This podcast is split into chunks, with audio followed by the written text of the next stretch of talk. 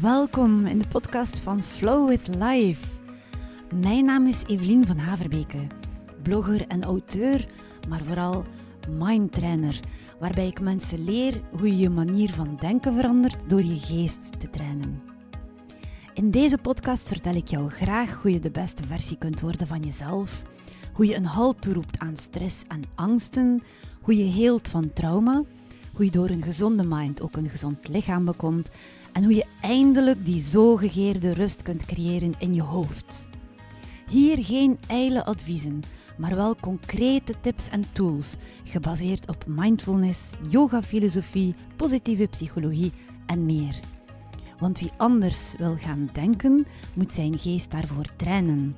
Je loopt toch ook geen marathon door er gewoon over te lezen. Gooi dus al je zelfhulpboeken op straat, zet de goeroes op mute en luister naar wat echt werkt. Want het leven is te kort om met de tijd te blijven morsen. Spits dus je oren en flow with life.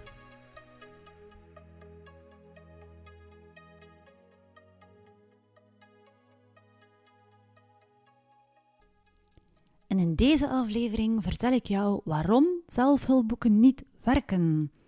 En wat je dan wel kunt doen om eindelijk wat meer balans en rust te kunnen vinden in je hoofd. Ik heb zelf ook een lange weg afgelegd van het ene zelfhulpboek naar het andere. En ook ik dacht, zoals heel veel mensen, dat ik op een dag de oplossing zou vinden. Die ene methode die ervoor zou zorgen dat ik eindelijk kon omgaan met alle obstakels die op mijn pad kwamen dat ik eindelijk zou weten hoe ik rust kon creëren in mijn hoofd, hoe ik moest omgaan met alle lastige emoties en zo verder. En de boeken die hadden ronkende titels, zoals De logica van geluk, Getting Past Your Past of Resilient. En allemaal hielden ze hun eigen belofte in.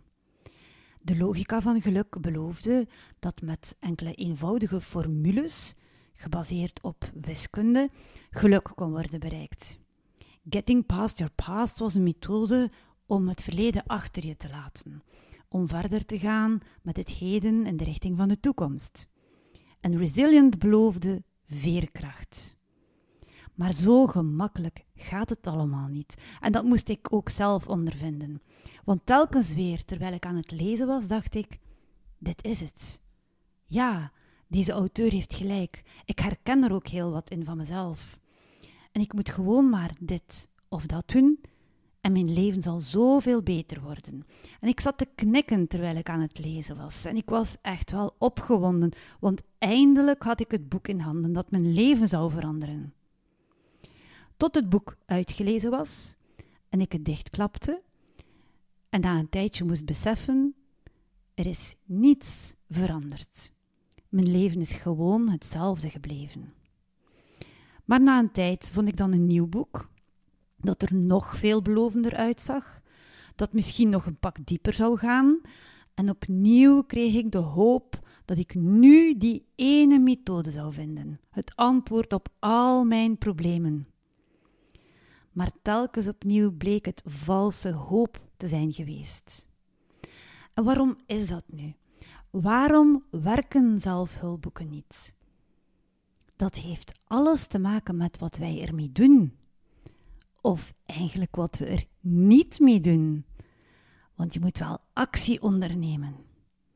Maar voor ik daar wat meer uitleg over geef, wil ik toch nog even zeggen welke problemen er nog zijn met zelfhulpboeken. Twee grote problemen.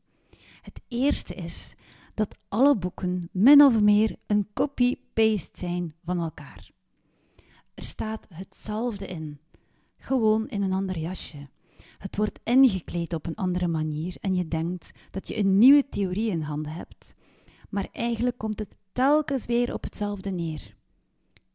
Hoe meer ik van die boeken las, hoe meer ik merkte dat de kernideeën altijd terugkwamen. En wat waren die kernideeën nu? Een eerste idee was: leef in het nu.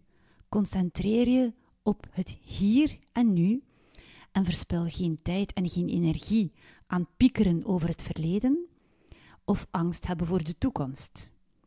En het is ook inderdaad de kern van wat mindfulness inhoudt: leven in het nu. Maar ook bijvoorbeeld de yoga-filosofie, die draait daar helemaal rond. En toen ik bij de Indianen in het Amazonewoud verbleef, toen vertelden die net hetzelfde. Een ander idee dat telkens weer terugkeert is bijvoorbeeld aanvaard wat je niet kunt veranderen.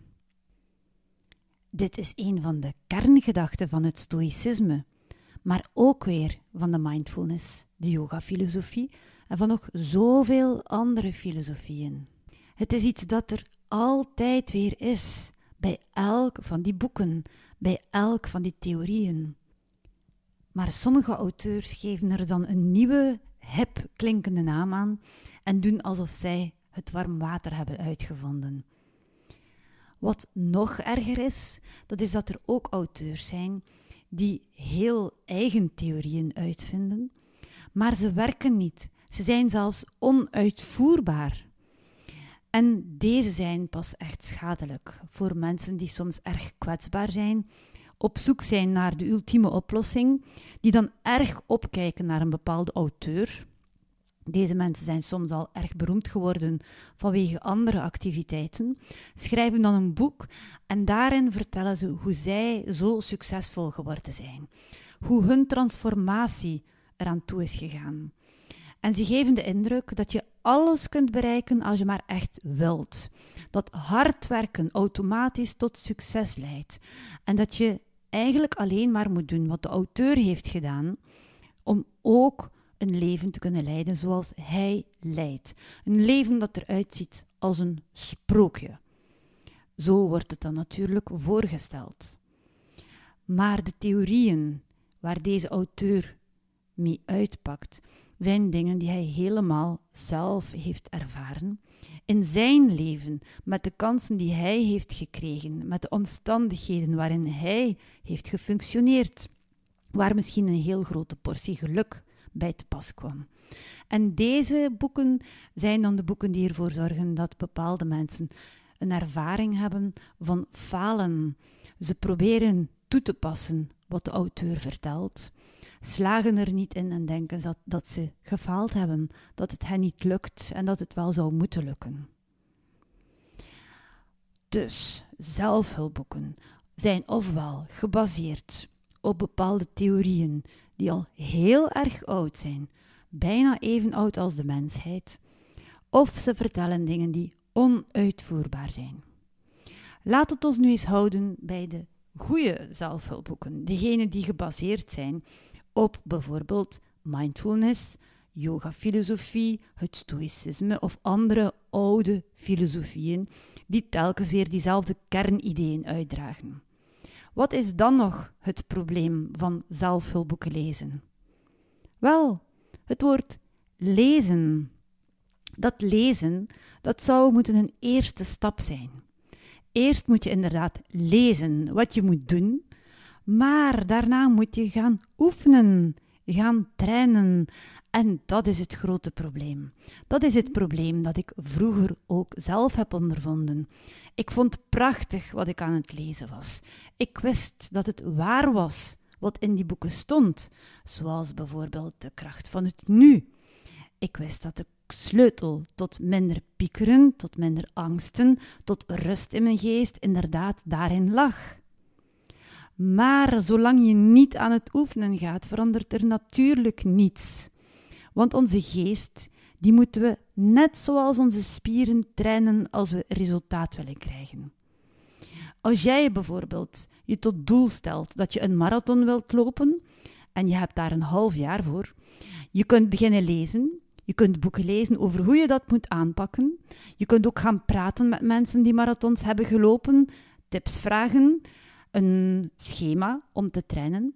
Maar zolang jij niet aan de slag gaat, zolang je niet echt gaat lopen, zal het jou nooit lukken. Het zal niet zijn door er honderd boeken over te lezen dat je zomaar die marathon zult lopen. En dat is iets dat iedereen wel weet. En dat we allemaal normaal vinden. Dat we ons lichaam moeten trainen als we iets willen bereiken. Maar onze geest die werkt eigenlijk helemaal op dezelfde manier. Onze geest heeft ook zijn eigenaardigheden, zijn verslavingen, waar hij moet vanaf geraken en die je alleen maar wegkrijgt door te trainen. We hebben allemaal wat de boeddhisten noemen een monkey mind. Het is een aapje dat van tak tot tak springt. We kennen het allemaal. Al die gedachten door elkaar tot we er gek van worden. Er is veel te veel drukte in ons hoofd. We denken ook vaak veel te negatief. Terwijl we zouden aan een positieve oplossing denken, zien we alleen maar de negatieve kant van het verhaal. En dat zijn nu eenmaal dingen die aangeboren zijn voor een deel en die we onszelf ook hebben aangeleerd. Want wat er aangeboren is, dat is de vecht- en vluchtreactie. Die zit nu eenmaal in onze genen. Onze neiging om sneller negatief te gaan denken, die zit ook in onze genen. Die komt ook nog vanuit de oertijd, toen het wel in je voordeel was om één keer te veel negatief te denken en te denken dat de schaduw die je daar zag misschien wel een sabeltandtijger was, dan dat je het één keer te weinig had gedacht.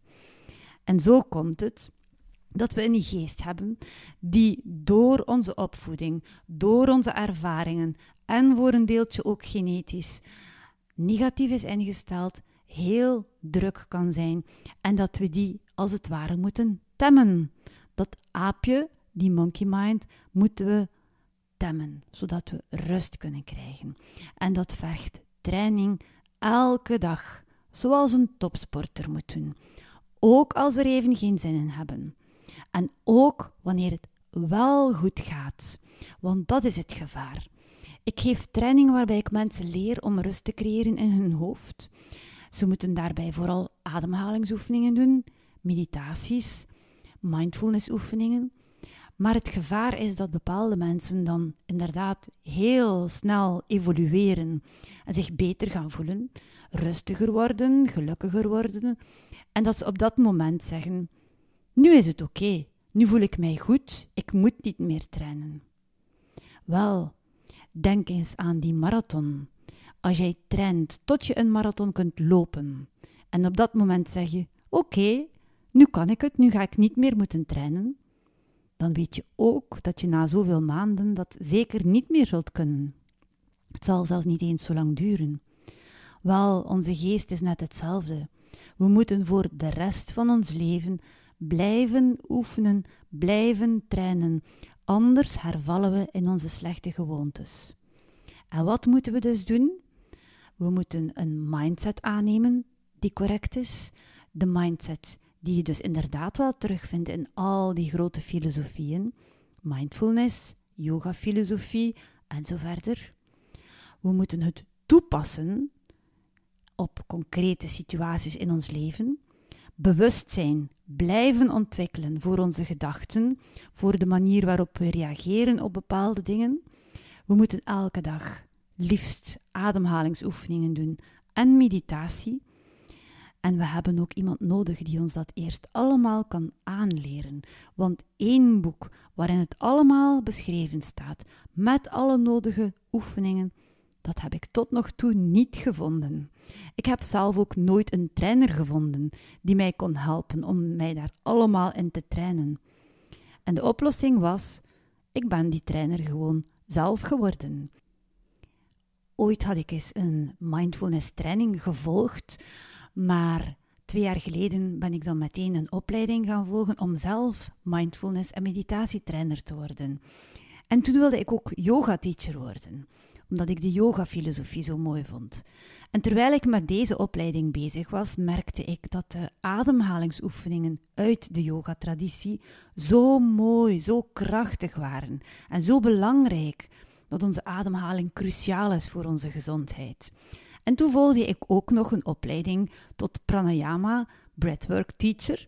Dus ademhalingsoefeningen, de pranayama, dat zijn de oefeningen uit de yoga-traditie. En daarna ontdekte ik hoe mooi de positieve psychologie wel is. En volgde ik ook nog een opleiding tot positieve psychologie practitioner. En toen startte ik mijn bedrijf en bracht ik alles samen in één grote training. Rust in je hoofd. Maar nu heb ik ook een online programma klaarstaan. En op 26 juni wordt dat gelanceerd. Dan neem ik een groep mensen met me mee op hun eigen weg naar hun eigen beste zelf. Want de titel van dit programma is Word je beste zelf. En in dat programma leer ik jou alles wat je nodig hebt om de beste versie te worden van jezelf. In tien weken tijd leer ik jou de vaardigheden om rust te kunnen creëren in je hoofd. En dat doe je dan met meditatie, met ademhalingsoefeningen uit de yoga-traditie, met mindfulness om te zorgen dat je je bewust wordt van je gedachten en van hoe je omgaat met die gedachten, hoe je reageert op situaties. Ik leer jou ook hoe je dankbaarheid ontwikkelt, hoe je je beperkende overtuigingen loslaat, hoe je je hersenen kunt herkneden met de kracht van neuroplasticiteit, hoe je je pijn uit het verleden kunt loslaten, die pijn die nu nog altijd een rol speelt in hoe jij je voelt over jezelf en over het leven, hoe je zelfcompassie ontwikkelt en zelfliefde, hoe je anderen kunt vergeven en dan ook bevrijd worden van de wrok die misschien nog in jou leeft. Ik leer jou ook hoe je je waarden ontdekt en wat die vertellen over jouw doel in dit leven. Hoe je je karaktertrekken identificeert en welke mogelijkheden die openen. Ik leer jou hoe je omgaat met moeilijke emoties, hoe je ze kunt doorvoelen en weer loslaten. Ik leer jou ook hoe je zelfvertrouwen ontwikkelt, hoe je het stemmetje in je hoofd, het zwijgen kunt opleggen.